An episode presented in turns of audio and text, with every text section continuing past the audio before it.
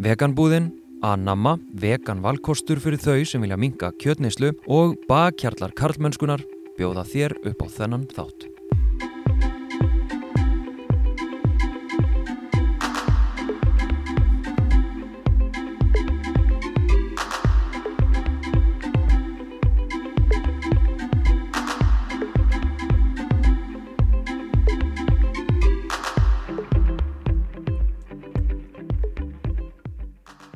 Bjarki Þór Grönfeld er doktorsnemi í stjórnmála sálfræði við háskólan í Kent á Englandi en hann mun í haust skila doktorsritgerð sinni um sjálfkverfu eða narsisisma í hópum.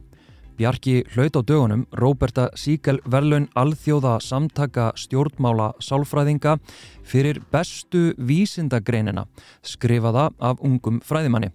Greinin, barnafnið A Small Price to Pay, National Narcissism predicts readiness to sacrifice in-group members to defend the in-group's image. Við Bjarki ætlum að spjalla saman um það hvernig sálfræði getur verið feminísk og komið að notum þegar við greinum og ræðum um samfélagið okkar og jafnbrettis mál. Bjarki, velkomin. Takk fyrir, takk fyrir að bjóða mér. Hérna, Já, takk fyrir að koma. Við höfum svo sem lengi reynda að ná saman. Þú ert alltaf aukstar í útlöndum og alltaf að gera og græja. En viltu kannski byrja að segja mér og okkur, hérna, útskýra bara fyrir mig, hvað, hvað er það að rannsaka heila í þessu dóttasnámi? Mm -hmm.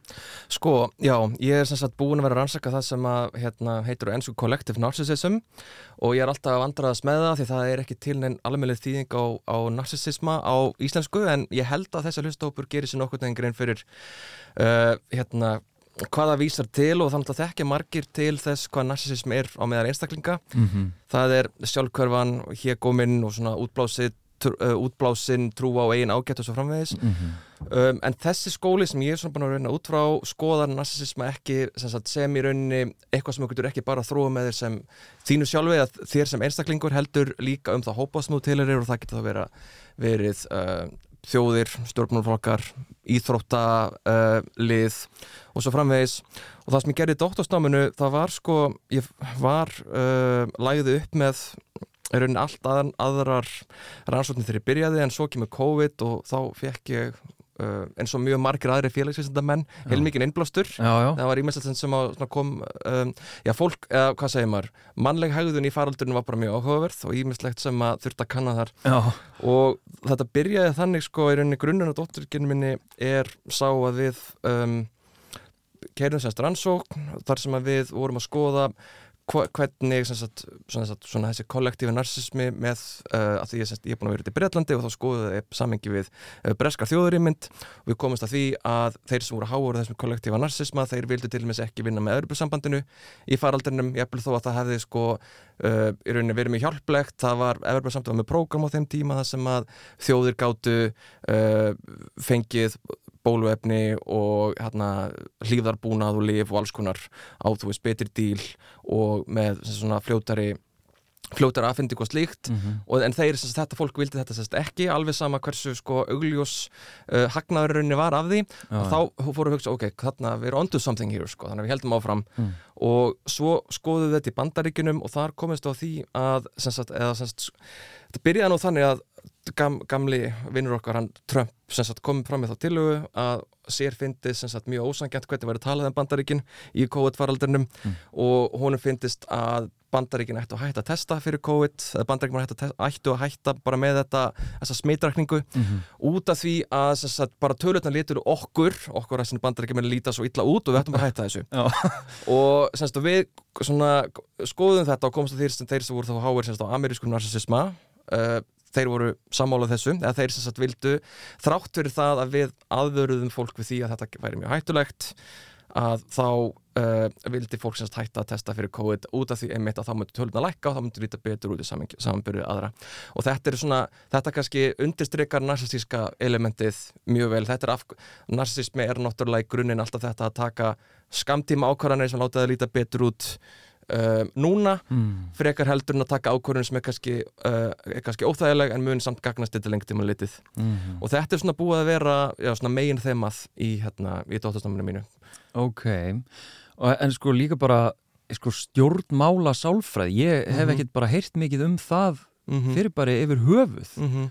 er það, er það líka hérna heima, er þetta eitthvað sem er úti bara? Uh, það er aðeins, það er, við erum hérna örfá sem hefum stútir þetta þeir en þetta er svona tiltölan í fræðigræn þetta er fræðigræn sem svolítið fæðist upp úr setni heimstyrjöld, allan í þessari mynd Ok. þú veist þegar að hérna uh, menn fóru að greina helfurina og grimdina í stríðinu og, og upphæluðu kenningarna voru nú og snýru svolítið um það að þjóðverðar væri bara grimmar en annað fólk en svo komið ljós að svo er ekki sko, það er Mm. hérna, það er ótrúlegt hvað hvað samfélagi sem við búum í getur í raunni leitt fólk út í miklar öfgar ef að slík skilurði eru fyrir hendi Já. og þannig þróast á bind og, og, og, og vindur upp á sig en þetta er ekki stór, ekki stór fræðikar en ekki ennþá allavega nei, ok.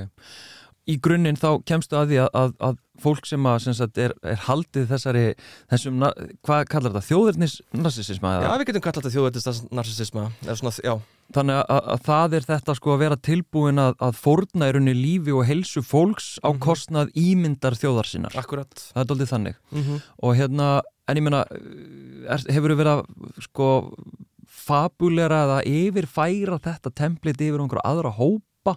Sko, um, það hefur til dæmis aðeins verið skoðað þetta hefur aðeins verið skoðað tengslu við kyn.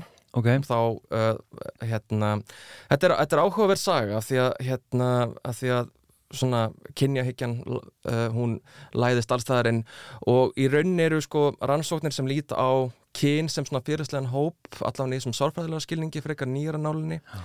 og það má meðal annars reyka til þess að það er oft í kannski svona litlum uh, fræðigreinum, þá eru oft kannski einstakir fræðimenn sem hafa mjög mikil áhrif og það er einn maður sem að, uh, hétt Henry Tassvel sem var sem sagt svona faðir svolítið félagsstæra sálfræði, svona hópa sálfræði ok. og hann svolítið vísaði því á bug að kyn gæti verið félagstöður hópur og, og sagði að fólk við ættum að fókusara á þjóðerni, á stjórnmálaflokka, á, á kynþætti og svo framvegis, en svo kom hann alltaf í sjálfstöðu ljós að hann var sjálfur haldir mjög mikill kvennfyrirlitningu og niðurstaðan er svolítið svo að, að, að þetta er maður sem dó sko 1970 eitthvað langt síðan en það er kannski ekki fyrir bara kannski á síðust áratugum sem er færð að skoða kyn sem mögulega félagsstæðan hóp sem fólk getur samsamað sig með sérstaklega sko Mm. og þetta er áhugavert í svona, þetta, í svona identity stúdíum út frá sálfræðinni þá er mjög gerðnar skilið á milli þess að þú getur samsamað þig með einhópi með svona óelbröðum hætti sem að kollektífi narsismin er þá til dæmis að sem að þú ert þá uh, ert þá árásargerð í garð fólks af húsum til þá öðrum hópum uh, þetta er svona útilokand, þú vilt ekki nýja inn uh, og spáðu fyrir um fordóma og slíkt en svo Mm. er önnulíða peningunum að þú getur svona identifæað með hópnum þínum og það getur verið uppbyggjagt og jákvætt og, og í rauninni spáð fyrir bara um bara jákvæð viðþorf til fólks af öðrum uh, í öðrum hópum og, og svo framvegis Ok, Vi, við komum klárlega að þessu eftir Mhm. hérna, og tengja það kannski við jákaða kallmennsku eða svona uppbyggilega kallmennsku út frá sálfræðin og svona. Byrju, er, ertu þá að segja að þessi í raunni, hvað maður að segja, faðir þessarar kenningar þarna, mm -hmm. þú talar um að hann hafa verið haldinn hvern fyrirlitningu og það hafa verið að endur sko og heimsækja þessar kenningar aftur þá út frá kyni sem félagsleiri breytu. Er það verið að tala um að, að veist, hvaða áhrif hafði það þá á ef að segja rannsóknir eða, eða þessa fræðigrein? Þú veist, erum við að tala um einhverja innbyggða bæjasa þá í kenningarnar eða? Já, örglega og kannski það sennilega bara tafið þetta um einhver 30-40 ár sko, myndi ég segja. Ok, og hérna, þetta er, já, þetta er bara í sjálfu sér allan út á þessjónurinn þá er þetta frekar nýtt, sko, það er svo sem verið til feminísk sálfræði já, lengi, sko. Okay. en svona þegar við erum að svona þessi hugmynd að, að sko þú sért karliða kona eða hvað það er og það skiptiði sérstökum máli já. það er frekar nýtt sko. Mm, einmitt, ok. Í þessum kenninga hérna, mhm. pakka þá, mm -hmm. ok. Uh, er einhverjir svona sko að ég veit að þú hefur sérstakann áhuga á Jordan Peterson líka það er nú kannski ofsögum sagt en sko, ég meina hann er hvað, sálfræðingur, doktor í Mhm. sálfræði eða eitthvað -hmm. sko, er hann þú veist, ég veit ekki hversu mikið þú vilt fara inn í þetta en, en er hann að teikna upp á einhverja svona kenningar sem að þú sér það séu, að ég veit það nú ekki alveg með þetta sko hann náttúrulega hérna byggir sko, ég myndi segja að svona leiðandi stef í öllum hans kenningum er um, þessi hugmynd að sko manneskjur eða við séum sem sagt svona hierarkikal í hugsun. Ok, uh, ég veit ekki alveg þýðingun á því en það, í, svona, við erum mjög stig já, það er stigveldið sem mjög ríkt í okkar hugsun, það er kannski einhver litur rétt en hann einhvers síður ígir þetta og í rauninni sko tegir þetta og tógar og útkoman verður oft sko alveg óbáslega skrítin að samt sko hann, hann er mikill svona meistari í raugræðulist mm -hmm. og hann þetta frækt þetta dæmi með humra, ég veit ekki glöggir lustendur kannski mjög eftir því.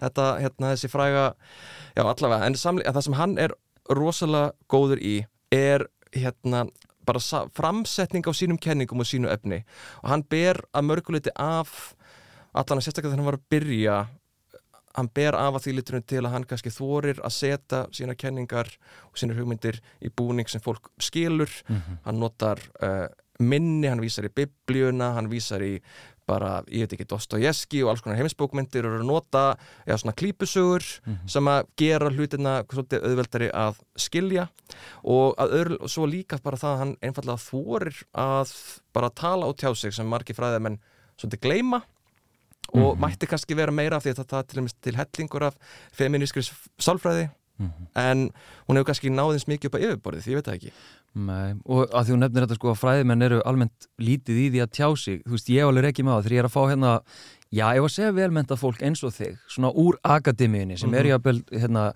í doktorsnámi profesorar og allt þetta að ég segi það sérstaklega alltaf fyrir vittulinn, ég byrði um, viltu hafa skoðun mm -hmm. mér langar að fá skoðanið þínar mm -hmm. vegna þess að það, hérna, það að hafa mentun og, og sér, svona, sér þekkingu á einhverju sviði, það veitir skoðunum á okkur lögumæti mm -hmm. og það er náttúrulega það sem við sjáum til dæmis með Jordan Peterson og mm -hmm. fleiri mm -hmm. sem að, já það er kannski ekki mikið, eh, mikið fleiri eins og hann sem að hafa í rauninni þetta credibility úr, út frá mentuninni mhm. og eru síðan svona ótrúlega góður að tjá skoðanir sínar og teikna upp á mhm. fræðin og það, það er svo mikið, hérna, það fæl svo mikið lögumæti í því, mhm. þú veist, fólk kaupir þetta, það trúur þess, það tristir þess að því við erum mun að trista já, fólki eins og honum en, en sko, en hvað er svona út frá fræðigrinniðinni hvað er problematíst við það eins og hann ber út eða segja, orðræðin hans eða mm -hmm. nálgunin hans eða sjónráðnið hans á samfélag og svo framvegs mm -hmm. hefur eitthvað ígrunda sko, það? Já,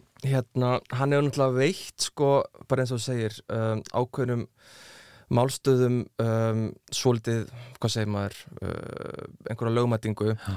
og hann, en, en hann er náttúrulega fyrst og fremst svona internet personality veist, hann, hann, þetta byrjar úr því að hann setur upp, að hann byrjar á því að taka upp fyrirlestarna sína sérst, í háskólanum hérna út í mm. Kanada og setur það á YouTube og það neytur vinsalda og, og þar er hann, þannig að hann er að byrja er hann með svona frekar bara mainstream hugmyndir sko og svo þetta alltaf lengur og lengur á því og þetta hann greinlega sér það að hann, þetta er, hann er, uh, þetta er vinsa, hann er vinsall, hann er að ná til fólk sko mm -hmm. og það, hann býr eiginlega, hann er bara svolítið með, hvað maður segja maður, ákveðin gagnabanka það sem að um, hópar eins og til og meins incels geta mjög auðveldlega leitað í mm. og já, bara mikið að hans hugmyndum náttúrulega byggja á svona einhverjum svona essentialískum hugmyndum um, um mannlegt eðli að kallar séu svona, að konur séu svona og allt hérna uh, já, byggist í rauninni mjög margt sem hann segir byggir á frekar svona stækri kvennfyrirlitningu bara til dæmis eins og um daginn þá tók hann eitthvað svona tandur um út frá því sko að sagt, hvernig getur það nú verið að hérna, það sé verið að vinna gegn uh, eh, kynfærslega árat á vinnustöðum þegar konun nota varalit? Til hvers er hann, skilur við mm -hmm.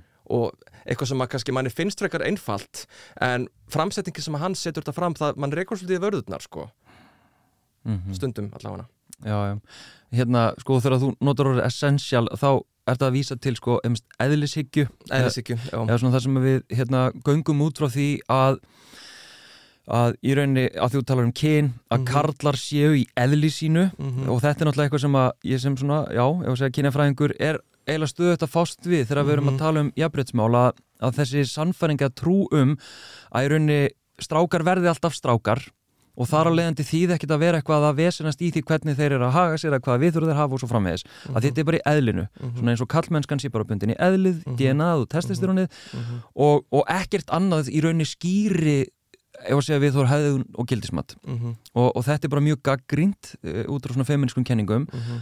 uh, og ég þarf alltaf að segja ég er ekki að hafna lífræðinni ég er ekki að hafna því að Mhm. almennt eh, sé, hérna, ef við tölum um þessi tvö kyn, kall og konur Mhm.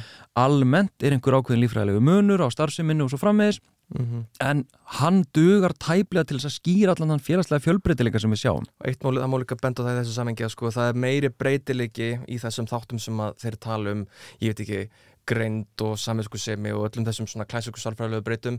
Það er meiri munur innan kynjana heldur en á millið þeirra. nákvæmlega og það er ógeðslega áhvert í manni mitt hérna, þetta kom fram í, líka í náminu mínu og ég bara svona, já, vá, hvað þetta er áhugavert Mm -hmm. og svo líka ef við tölum um eðlið bara, þú veist, ok hérna, Connell til dæmis er svona uh, já, svona í rauninni kenningasmiður uh, kallmennsku kenninga. Og svona kemur grunninn í því. Og hún er að, að hérna, ég myndi að lýsa því sko, ef við ætlum að segja að karlmennska sé bundið í eðli að þá ætlum við að skoða hvað er þetta eðli. Við ætlum að finna bara hvert er eðlið Mhm. hvert er innihaldið. Og þá komst hún að því eða sá það bara og bara síndi rauk fyrir því að, að hugmyndur okkar um þetta eðli er ólíkar Mhm. þar að segja, það fyrir eftir hérna, uh, í rauninni samfélagshópum og, og stað og stund og tíma, þannig að það meikar ekkit sens ef að karlmennskan að vera bundið eðlið að hún sé alltaf stöðut að breytast þú veist, að því að við erum ekki alltaf að breytast eða við erum svona almennt Mhm. bara eins, það sem breytist er kannski samfélag okkar og félagslegu veruleiki þú veist, þannig að hún svona pínu dýbönkar þetta með eðlið að innihaldi getur ekki alltaf verið að breytast Mhm. ef þetta á að ganga upp sem kenning, sko Mhm, mhm. Nei, einmitt. Og þetta er bara, þetta er náttúrulega allt saman, ég veit það ekki bara getur verið mjög flókið og bara svona allavega uh, eins og út frá sálfræðinni sko, þú veist, þá er sexism oft skipt í tvær, svona tvær megin línur. Ég nota orðið sexismi því mér finnst kannski kynni ég ekki, ekki alveg nógu ekki alveg nógu svo nógu vel. Nei, ég saman því. en sem sagt allan að, að við hugsaum þetta út úr því að uh, þegar það verður að skoða fordóma þá er oft verið að skoða mitt sko viðþorf þá hvítræðgarð svartra og svo framvegis mm -hmm. en af því að við lítum á karlar og konur sem tvo fyrirslega hópa þá er gildast öllun lögmál því þetta eru alltaf hópar sem ég þannig séð ég, ég er bara alltaf með stuðut samlífi Mm. mm. það, er, það er mjög í, hérna, svolítið það er bara bund í hlutarins eðli að þessir hópar þeir þurfa alltaf að eiga í mjög miklum uh, samskiptum og það er leiðandi sé að kynja heikjan tvístegandi og þú veist, það er annars vegar þessi sko þessi þá meira svona hostile kven, uh, svona fjá, ja, sem er þá bara meira í rauninni kvenn hatur í sjálfu Já. sér sem er þá kannski svona já það segir sig kannski meira bara sjálft það eru þessi neikvæð viðþorfi garð kvenna uh, hlutgerfing og áreitni og ofbeldi og svo framvegis en svo er önnur gerð þessa sexisma sem er, hvað segir maður svona lúmskari, heitir á ennsku sko benevolent sexism eða svona það má, kannski það má því þetta sem velviljaður sexismi þú varst með einhverja betur því einhver áðan já, dulin sexismi.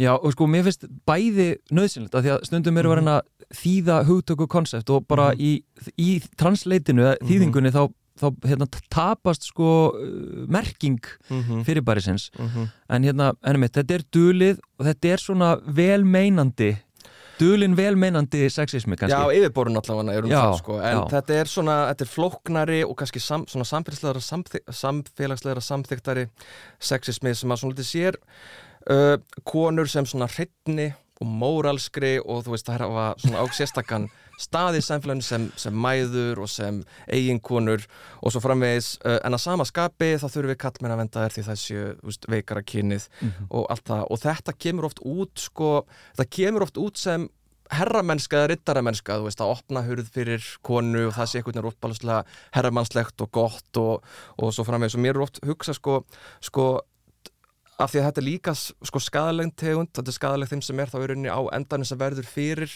þessari kynningu, það er að segja konni sko Mhm. tilfelli. Og mér er oft fyndist sko bara svona til þess að taka skemmtileg dæmi að því við erum að tala um að koma hlutunum vel frá jú, jú, Trump og Pence. Ok. Ef að fólk manna en þá þetta þeim því skemmtilega dúi. Sko Trump, eða Dr- Donald Trump sem sagt er gott dæmi um svona hostile sexista, það þarf eiginlega ekkert að útskýra það hann er bara viðbjóður. Uh, en Pence er svolítið flóknari. Hann er dæmi um svona velviljan sexista. Ok. Hann til dæmis, hann, hann þegar hann var varafórsiti þá passa, eða að þá var það bara regla í honum að hann hitti aldrei konur einsamall, þú veist, hann tók aldrei fundi með konum nema að þá að það voru fleiri herbygginu eða þá að kon, hans eiginkonans væri með já, í herbygginu mm. og þetta var einhver vinnurökla í honum bæði vantala á einhverjum trúalögu fórsendum en þá líka það að það einhvern veginn hann væri að sína svona hann var að sína hugulsemi með því að setja konun ekki óþægilega aðstuð að vera hérna eini herbergi með kallmanni skilur þú? Mm. og ef við setjum bara þetta í samengi til missu kvításið hvað þýðir þetta? Það þýðir að konur hafa minni aðgang að varafásatanum mm. eða engan aðgangi rauninni að varafásatanum þegar það er ótrúlega margt sem að gera sér samtölum maður og mann og þú farið mentorship og, mm. og ekki það ég held að hans er góðu mentor en þú veist hvað ég meina þú veist aðgang að valdinu skilur við um, en það er svona sexism sem segir faran útvinnan við strákvætti þurfum að þess að ræða saman mm -hmm. en það eru áhugaverða svona rannsvöldin sem sína fram á það sko, að, að þetta er svolítið svolítið sexism í djúlakerfi mm -hmm. af því að fólk sér menn sem að hafa sér svona ekki endilega sem einhverju sérstakka sexista mm -hmm. skilur, sér þá í rauninni meira bara sem jafnbertið sinna sem að mhm. steyðja konur og hérna vilja vel á meðan sko rannsvöldin sem að þá taka þá inn í hinnendan og skoða hvað þessum munum ég raunverulega finnst þú veist, þá eru þeir svona apologetic, akkvæmt heimilisofbildi vilji ekki uh, hérna, uh, vilji, vilji ekki bræðast við til dæmis mýtu ásökunum finnst það að vera uh, bara eitthvað vesen og mm -hmm. það er fylgna á milli allra þessar hefðbundnu sexista þáttar og þessa benevolent mögulega velviljiða sexisma. Þannig í grunninn er, í grunninn er það sama Já. skilur þótt að, þótt að byrtingamindar sem koma í auðborðið geti verið öðruvísi. Já, ok, það er svo gott að hérna, fá svona fræðimann hérna og, og setja hluti í samingi að því að það trublaði mig svo mikið, ég tók hérna viðtalinu við bara hostile kallrembu eh, eða sexista, hérna þáttur 42-3 eða eitthvað bara maður sem var mikið búin að vera að drulla yfir mig á, á hérna, samfélagsmiðlum og, og bara var doldi búin að vera að elda mig lengi og alltaf ofbóðslega hostile og ég, eitt skiptið bara, hann var að segja svo alls konar eitthvað kæftæði sko, ég bauði hann bara í vittal mm -hmm. og hann kemur í vittal og hérna, og bara já, bara lýsir öllu hann segir bara grímulöst þú veist, hlutverk hvenna er þetta og þú veist, kallin þarf að vera leiðtógin og bara grímulös hvennfyrirlitning, sko, algjörlega grímulöst og, og fólk sem að hlusta, hlustaði mikið af fólki á þetta og, og, og fólki blöskraði mm -hmm. var bara ég trú ekki að mm -hmm. það sé til maður með þessi viðhorf mm -hmm. ég var að reyna að koma því á framfæri jú, þetta er, þetta er mainstream viðhorfið í okkar samfélagi. Samfélagi sem er litað að ferraveldi og samfélagsgerð sem að byggja á þessari óbúslega hérna, kynjahegju og, og hérna sem að síðan er nátengt, þú veist, náttúrulega bara öllum öðrum svona valda kerfum að við bara erum ekki nóg næm til þess að sjá þennan sexisma. Að því að við erum álum betri í því að felan og þá er mitt komað þessi hugdög sem ert að lýsa þarna þessi duldi sexismi uh, sem að byrtist í orðræðu sem byrtist í viðþórum og haugðunum eða aðgerða leysi uh, allstaðar út um allt mhm. -huh. og ég tel að þessi sko velmeinandi duldi sexismi að hann er að mínu viti einn helsta fyrirstaða uh, þess að ef að segja jafnbrettis mhm. -huh. og þess að við bregðumst við af alvöru vegna þess að á yfirborðinu lítur þetta svo vel út þetta er svo mhm. vel meint uh mhm, -huh. og, og kannski, sorry að ég sé að randa svona mikið en að því að ég tek líka sjálfur þegar ég stundum með erindi þá tek ég þetta dæmi með kurtisina að hérna, veist, herramennskuna opna dyr og allt þetta. En ég tek líka fram, ég hef ekkert á móti því að fólk sé kurtist það er bara þetta þema, þetta minnstur að að það sé bundið einhvern veginn í hægðun karlmanna að vera herramenn að opna dyrnar. Og ég tekit aðeins lengra og segi, ég menna hverjir eru það sem að veita einhverjum aðgengi einhvert það er einhver sem eru umbóð eða vald til þess. Og þegar við snúum þessu við þú veist að því að við erum þú veist, menna, hvað, mega menn ekki neitt lengur má ekki opna dyr lengur, eitthvað svona jú, það má svo sannlega en ef þetta er einhvern veginn bundið í herramennskuna og einhverja, einhverja dygðir uh, hversun er svona problematíst ef að konur var að gera þetta ítrykka við kalla hversun þætti okkur það óþægilegt uh mhm. -huh. ef að konur varu stöðt stráka mínir, gjur þessu vel, herratni fyrst uh mhm. -huh. þú veist, þá svona mm. Já, sko, ég held að það sé líkil aðri í þessu, bara eins og þú, þú veist nefnir, hérna það eru litli hlutinir, um, auðvitað skadar það engan að þú opnir hurð fyrir einhverjum auðvitað skadar það engan að þú, ég veit að ekki hjálpir einhverjum, hjálpir einhverjum að, ég veit ekki, stikkiftum dekka á bílunum þínum eða eitthvað svo leiðis, en sko, það sem að þetta prentarinn, þetta er svona ákveðið líkil húttak í félagsleiri sálfræði og mörgum mörgum greinum er svona othering. Mm. þú, þú ert að aðra hinn. Sem sagt, þú, þú kemur, þú gerir þetta af því að hinn aðilinn er kona. Mm. Og þar með kemur öðruvísi fram meðan heldur en að ef að við komandi væri kall Mm. og það er náttúrulega líkil atrið að þú, þú ert ekki að, þú, þú ert að búa til tvo hópa til með sér rými sem að, skiptir einhver máli, þú ert með þú veist, ert á einhverjum fundi eða eitthvað og þú kemur og þú gerir þetta bara fyrir, fyrir konurnar en ekki fyrir kallana, Mm skilur þá ert náttúrulega í rauninni í þá ert að búa til einhvern félagstæðan raunveruleika inn í þessum hópi sem á, sem er ónöðsynlegur Mhm. skilur mig. Já, einmitt. Og líka hérna að því að það er bara raunverulegt issue að hérna sumur upplifa að það megi ekki lengur og eru svona óryggir með, með sjálfa sig í kjölfar bara eh, byltinga hvernig hérna síðustu árin að það er líka ágætt bara svona í alvörinni fyrir þá sem eru svona að velta hlutunum fyrir sér að sko hegðun og framkoma eða, eða þú veist, óvelkomna snertingar og allt svona sem að þú veist, er óviðandi og menn er eitthvað svona, það má náttúrulega ekki lengur að pröfa bara að setja yfir. Mynduru segja svona til dæmis tvíræðni, svona kynferðslega tvíræðni? Mm -hmm. uh, brandarar, þú veist, þetta er bara djók eitthvað, mynduru segja þetta svona við kallmann til dæmis, mynduru snerta kallmann svona, svona neðalega á mjöðminni Mhm. til þess að beða hann um að færa sig?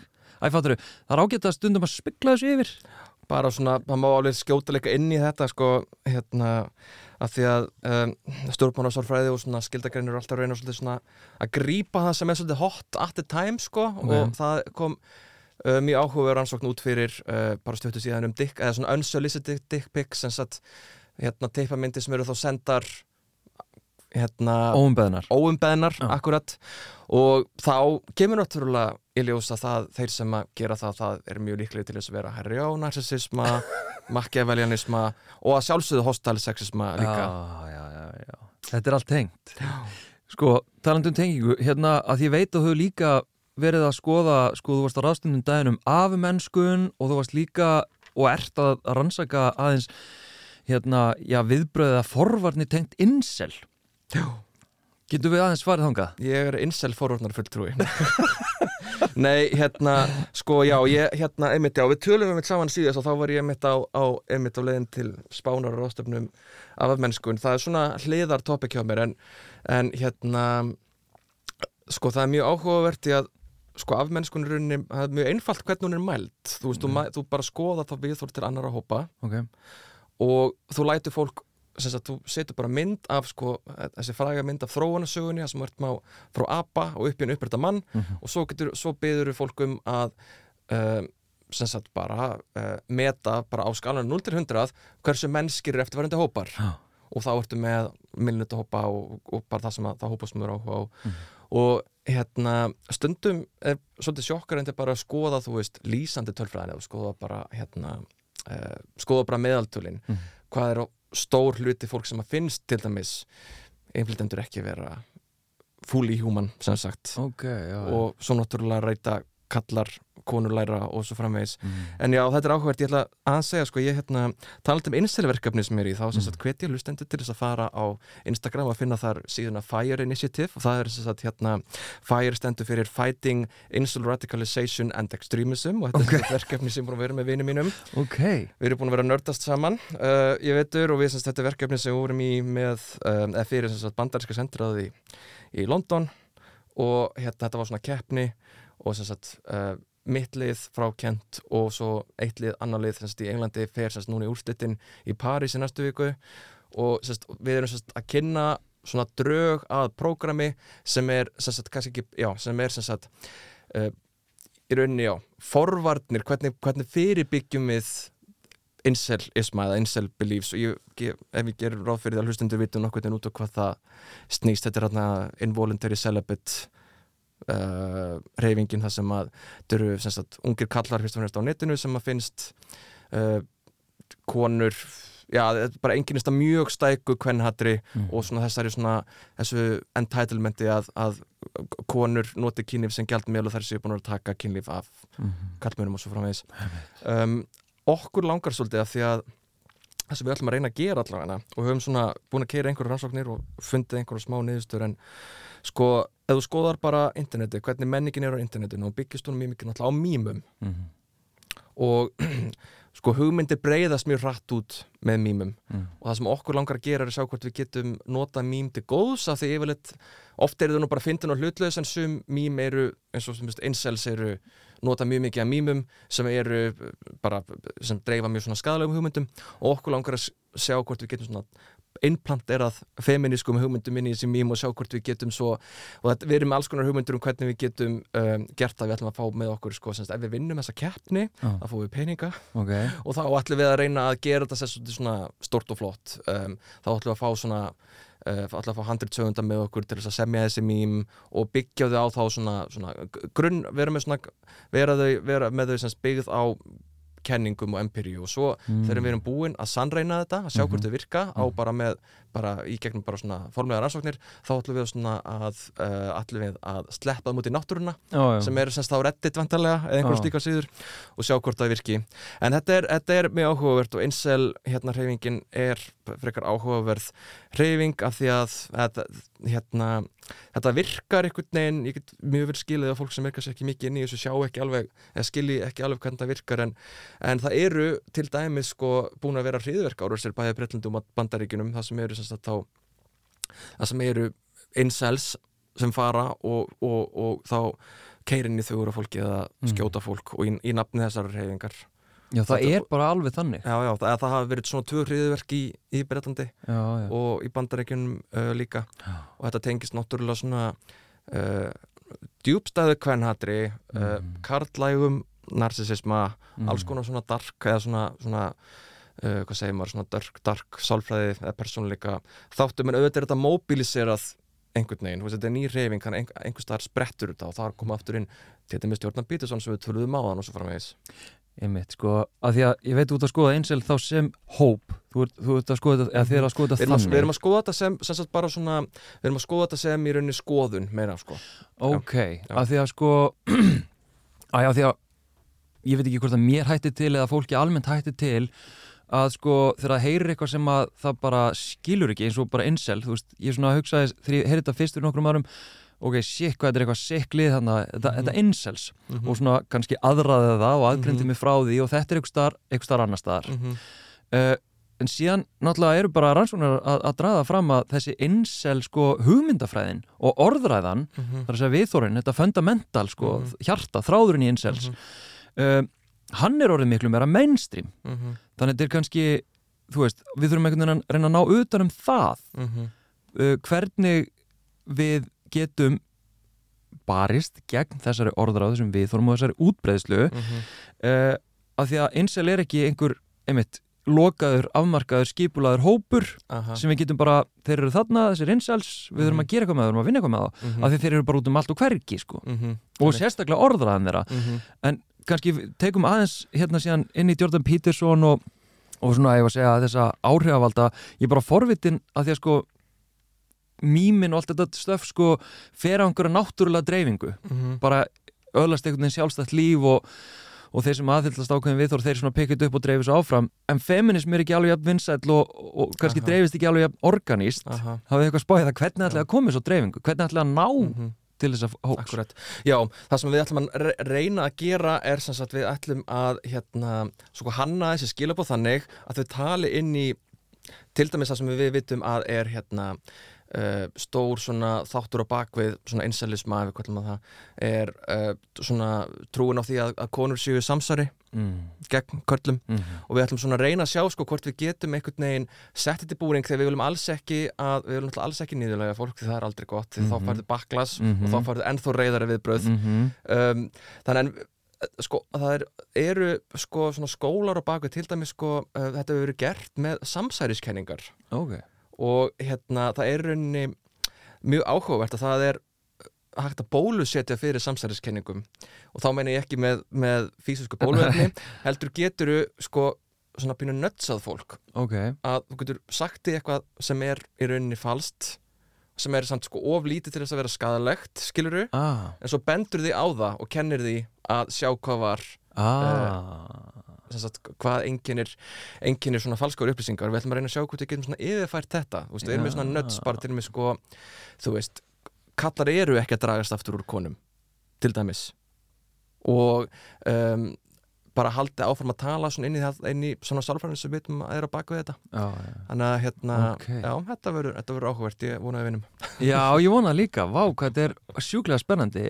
En, hérna, en líka bara spennandi að því að, einmitt, þú talar um sko hérna, ég man ekki hvort þú sagðir það, en ég ætla að hugsa það varst að tala á hann, að það er hérna hópur sem að, einmitt, upplifir sig einhvern veginn vera að tapa, það er hérna hópur sem ratikilaserast og, og Mhm. hérna og einhvern veginn vil svona berjast tilbaka og einhvern veginn fá það sem þeir eiga skilið og allt þetta uh, það sem að ég líka til dæmis reykja mig á er hvað strákar og karlar almennt og ég er að tala inn í Íslensk samfélag, ég er að tala inn í samfélag sem hefur verið hampað fyrir uh, hérna svona framsækni í jafnbreytsmálum og góða stöðu í jafnbreytsmálum, ég er að tala inn í það mengi. En mín upplifun er svo að, að kallar upplifa mig vega að sér fyrir það eitt að vera að tala um karlmennsku, fyrir það eitt að vera að, að setja drag út þarna ákveðin hóp sem að hefur fengið að vera pínu hlutlaus í samfélaginu, karlkinn og benda á hörðu það er alls konar hugmyndir sem er ekkit góða fyrir okkur og það eru heldur ekki góða fyrir samfélagið okkar ef við ekki eitthvað að gera í þessu. Og bara það eitt að vera að tala um þetta uh, framkallar yfir mig og náttúrulega feministar þekkja þetta og kynjafræðingar og jafnvel feministki sálfræðingar og svo frammeðis eins og það sé verið þá að vega að þeim. Veist, Mhm. hvernig eiginlega er hægt hvernig er hægt að, að fá fólk til þess að hlusta á nei, nei, nei, nei ég hata ekki karla bara hvernig er hægt að fá okkur til að hlusta sem að hefur þessar ofbúsla sterku fyrirfram gefnu hugmyndir um það að þetta grundvallist nú á, á stækri karlfyrirletningu Sko, ég myndi segja uh, bara svona sem já uh, fræðimæður sem hefur verið að skoða svolítið bara sagt, verið að skoða hvernig hópar hafa sér og líka náttúrulega hvernig leiðtór koma þar inn í mm -hmm. sko mér finnst mjög mikilvægt að karlar sem eru í áhrifastöðum hafa vald, hafa einhvern kennivald, báðvald stórnöfn, að þeir gangi svolítið uh, fram með góðu uh, með góðu fordami mm. ég held að það sé algjör líkilættir til þess að í rauninni minka þetta þess að þú ert að lýsa mjög svona, svona mikið varnar viðbrað þú ferði vörd sko mm -hmm. og, og ég held að skilabúðin þurfi svolítið að koma á og þú veist að hefur náðst alveg að mörguleiti heyrðu mikill árangur auðvitað verið að vera sanngjöld en það er eitt sem ég langaði að hérna, koma inn á þetta því að út frá þessum stúdíum mínum á sko kollektíu narsisma það er, er áhugaverð stúdía sem var gerð í Pólandi og mér langar svolítið að endur taka á Íslandi öðru samingi Mm. og sagt um, þjóðnsikja eða sagt svona þjóðlegu narsismi þjóð, þjóðkværu narsismi tengist yfirleitt alltaf svona neikvæðum viðhórum til umhverfisins að þú veist við eigum að virkja, við eigum að nota kól, við eigum að gera allt þetta svona, já uh, sagt, e- eru fullkomlega á móti umhverfisvend ok en ef þú setur það fram sem eitthvað sem að sko við getum við sem Póland í þessu samingi getum svona verið stolt af og þetta er svona aðrar þjóðir líta til okkar. Þú veist þá verða þessir kollektíu narsistar í þessu samingi þeir munu styðið það en það er vissulega ekki þetta er ekki, uh, en þetta er ekki svona genuine það sem þið finnst í alvörunni. Þetta er eitthvað sem nú ætla að líta líta vel út og svo ferðu ekkert með það. En þú ert, uh, en ég hef oft hugsaði í íslensku samingi við gerum rosalega mikið svona pinkwashing mm -hmm. skilur við, þetta er útvötingsvara Mm -hmm. og það eru ótrúlega fólk sem einhvern veginn uh, stærir sig af hérna, stærir sig af árangurinnum og notar það sem útverkningsvöru en gerur svo ekkert í því Mm. og það sem að, og kannski er grunnt á því, skilur við mm -hmm. og að því að það sem að uh, raunverulegar umbætur verða það er erfitt Ah, skilur það er til dæmis erfitt að koma í gegn, erf, erfitt að ræða sum mun finnast það óþægilegt skilur mm -hmm. en ég held að margir leifir sér svolítið að fara fram með því Já, en að þú segir sko til þess að spórna við svona já, bakslægi og Mhm. svona uh, misupplýstum viðþorfum og orðræðu að þá sé mikilvægt að, að targeta uh, einmitt valdhafi, áhrif að valdhafana sko, sem að, Mhm. þú veist, ég, ég tólka þá þú veist, þetta væri þá Trump og kannski Andrew Tate og þetta væri Jordan ég ætla að Peterson og, ekki að ná þeim sko, en, en hérna, En svona- það er lost case Þa- Nei, þannig típur, ég menna þú ert að meina það Mhm. frekar heldur en hérna bara fara inn í skólakerfið og svona vona að fólk sé nógu gaggrinn til þess að taka ekki við svona, Mhm. ef að segja, fals upplýsingum eða Mhm. mistúlkunum og svo framvegis um, að ég hef veldi fyrir mér bara, þú veist, íslensku samingi menna, þú veist, það, það poppa alls konar rattir upp, þú veist, hér og þar í samfélaginu okkar hvort sem það er á, á vinnustöðum, í atvinnulífinu samfélagsmiðlum, í fjölmiðlum hvar sem er, þá popp upp alls konar svona uh, menn oft og líka alveg, já, konur, einstaklega konur sem að við hafa orðræðu sem að já, út frá mínu sjónandi er bókstaflega skadleg mm -hmm. hún er máluð upp sem einhvern veginn svona já, svona jákvæð en er fundamentally skadleg uh, og ég oft veltið fyrir mér sko á að svara því veist, á að fara inn í það beint eða æskilju, þarf alltaf að fara beint í fætingin eða hvernig ámaður að adressa svona já, áhrifa fólk málsmetandi fólk sem að er að dæla út einhverju af mínu viti eitri Mm -hmm. bara hjóliða Hjóliða? Á, náttúrulega á alltaf skilurum yfir um málefnum hættu og allt það sko, nei, nú ætlum ég bara að tala bara sem, þú veist, bara feminist áhuga maður um jafnbrytismálu, Já. veist, bara þól ei órétt, sko myndi ég að segja. Mm Það fer náttúrulega líka, auðvitað er náttúrulega spurning skilur hvað, hérna veist, nákvæmlega hver er að segja og, og hvað og, og við hvaða hóp -hmm. en nei, hérna við verðum alltaf að hérna, verðum alltaf að svolítið bara tala fyrir því sem er rétt, sko. Já, já, allavega frá, ok- út frá okkar sjónarhóttni og vissulega sko, þú veist, það er oft talað um, um aukna polariseringu í umræðin og slíkt en það er oft ykt sko, veist, við erum ekki eins sem sagt, sko hinn en hinn, það er náttúrulega alltaf hinn hliðin sakar hinn hin um að vera já. sko en, en, en ég, hérna uh, já, ég segi bara að tala bara með hértanu sko já, það er svona allan bara mín skoðun en ég, hérna, en þetta er bara svo flókið og þess vegna er ég náttúrulega að passa mig sko sem fræðmaður, ég ætla að reyna að segja skilur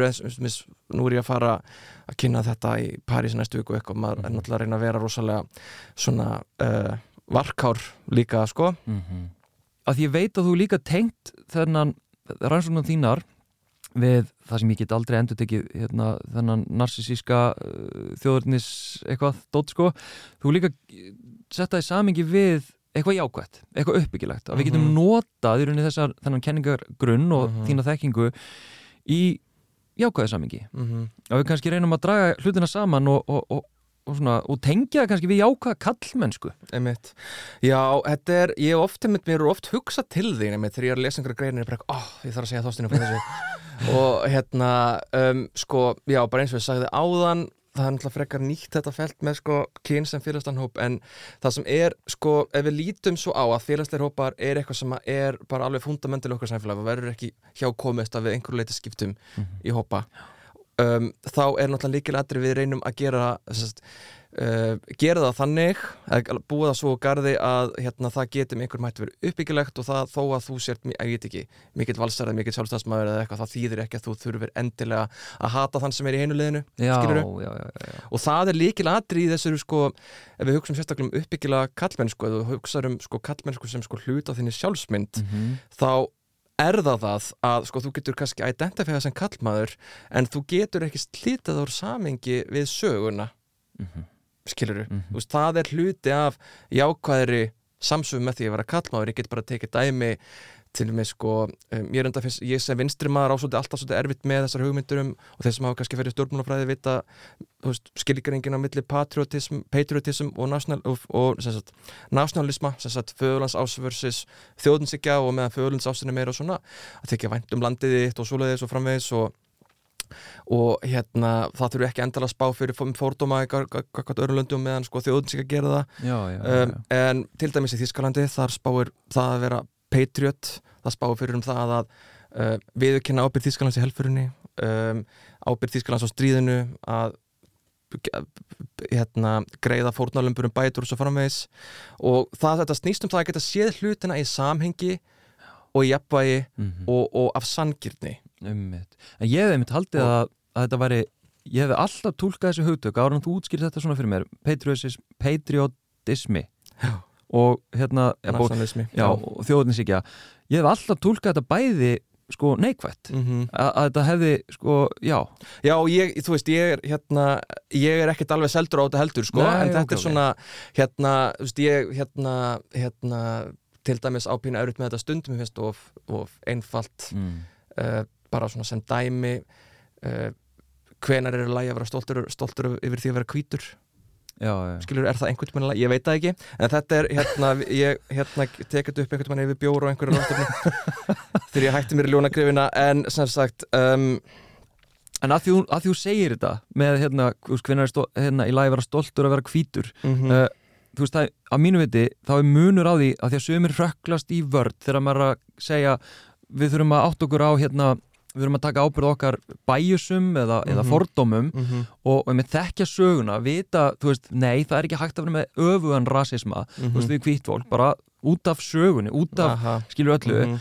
að það þýðir samt ekki uh, og ef við tengjum þetta síðan líka við kallmennsku, að vera hvítur, gagginur kallmaður sem dæmi bara, sís kallmaður, sískina kallmaður, uh, það þýðir ekki að ég þurfa að skammast mín fyrir það að vera hvítur eða fyrir það að vera kallmaður. Mhm. Þú veist, það er mikill munur á því að vera einhvern veginn að krefjast hérna prætgöngu fyrir hvítnei, fyrir gagginheiða Mhm. eða Æ, fattar ykkur að fara með þetta Mhm. við þurfum ekki að vera endilega stolt einhvern veginn af þessu og, Mhm. og einhvern veginn lifta þessu upp hvað er frábært að vera Mhm. hvítur kallmaður Mhm.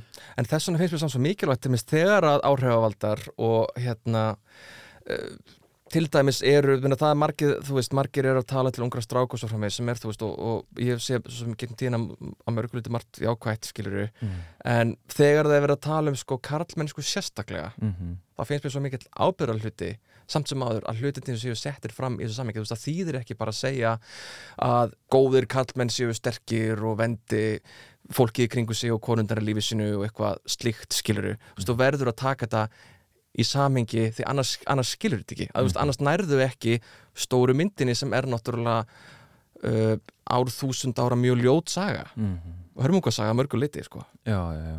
Og, og, og einmitt, og sko þarna kannski oft í, já, ef að segja opinbera umræðu og jafnvel svona umræðu þar sem að, að því að umræðum jafnbrettsmál og kallmennsku kvenleika, já, transfólk hinsegin fólk, þetta er svona svona persónuleg umræða, bæði náttúrulega fyrir fólk sem að, komar að segja, bara snert þú veist, umræðan er um, fjallar um og náttúrulega umræðum kallmennsku fjallar um flesta kalla og eitthvað svona, að þá verður þá telja allir sér hafa eitthvað í umræðina það telja sér allir hafa eitthvað framlag að færa.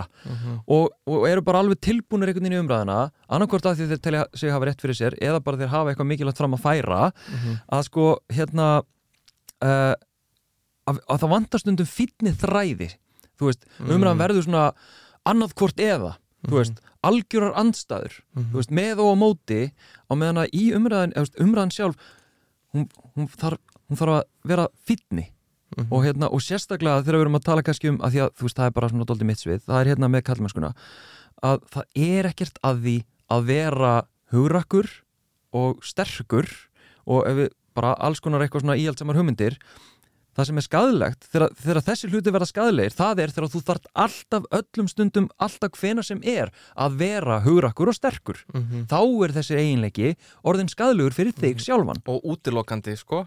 Já, þú veist þannig að já, það er ekkert að því að vera kattmaður en við þurfum að vera meðvitað um söguna, við þurfum að hérna, vera meðvitað um merkingu þess að vera kattmaður, við þurfum að vera meðvitað um hvað erum við að segja og meina þegar við segjum ákveðna hluti. Mhm. þú veist, samhengið, Mhm. Já, er það ekki? þetta, ég fílaði þetta, þetta er, þetta er fallet orðalag. Já, fítni og, hérna, og, og átt okkur á því þetta eru eh, flóknir þræðir og öll bara umræðum samfélagsmál. En hérna, en svona eitthvað að lokum? Um, Já, kannski eitt sem var nú að hugsa sem væri hægt að uh, hérna kannski lenda á að því að að því ég er náttúrulega í þessu það má kannski kjarna þetta sem ég er búin að vera að stúsa stíð þessu Mhm. dóttastámynd að fara náur er svona, þú veist, grundtótin er alltaf svona áþóritarianismi þú veist, Mm. þetta, svona, þetta er svona þetta valdbóð og þú veist, það getur verið sexismin, það getur verið þjóðinsikja og svo framvegis og kannski svona, talandi bara svona mjög vítt það verður alltaf svona kannski ákveðin hluti um, fjöldans sem er svona áþóritarian, skilur í einhverju skilningi Og hvað áttu við nákvæmlega? uh, svona ófrjálslindi, fordómar Ok, sexismi og já, svo já, framvegis já. uh, og fyrir mjög mikið af fólki sem, að, sem sagt, er á þess, veist, á, í þessum pælingum á þessum stað, Mm. þá skiptir sko við og þið við og hinn er óbúslega miklu máli Mm. og besta leiðin er að stækka hópin sem erum við Mm -hmm. og það hefur alveg tekist, Íslandi hefur nátt árangur í því Mm -hmm. en það er samt ennþá opaslega langt í land og það er náttúrulega bara mjög sorglega dæmi. Við erum ekki eins og erum búin að koma inn á hvernig sumar hefur verið fyrir mjög mikið af transungmönnum sko. um, þannig að þar er klárlega ennþá hérna, rosalega langt eftir. Mm -hmm. en þetta snýst um það að, að við sem sæfélag stækkum skilgurungra á því hverjum við erum. Mm -hmm. Bjarki Þór Grönfeld, látum við þetta vera að loka orðin Takk kjærlega fyrir spjallið. Takk sem leiðis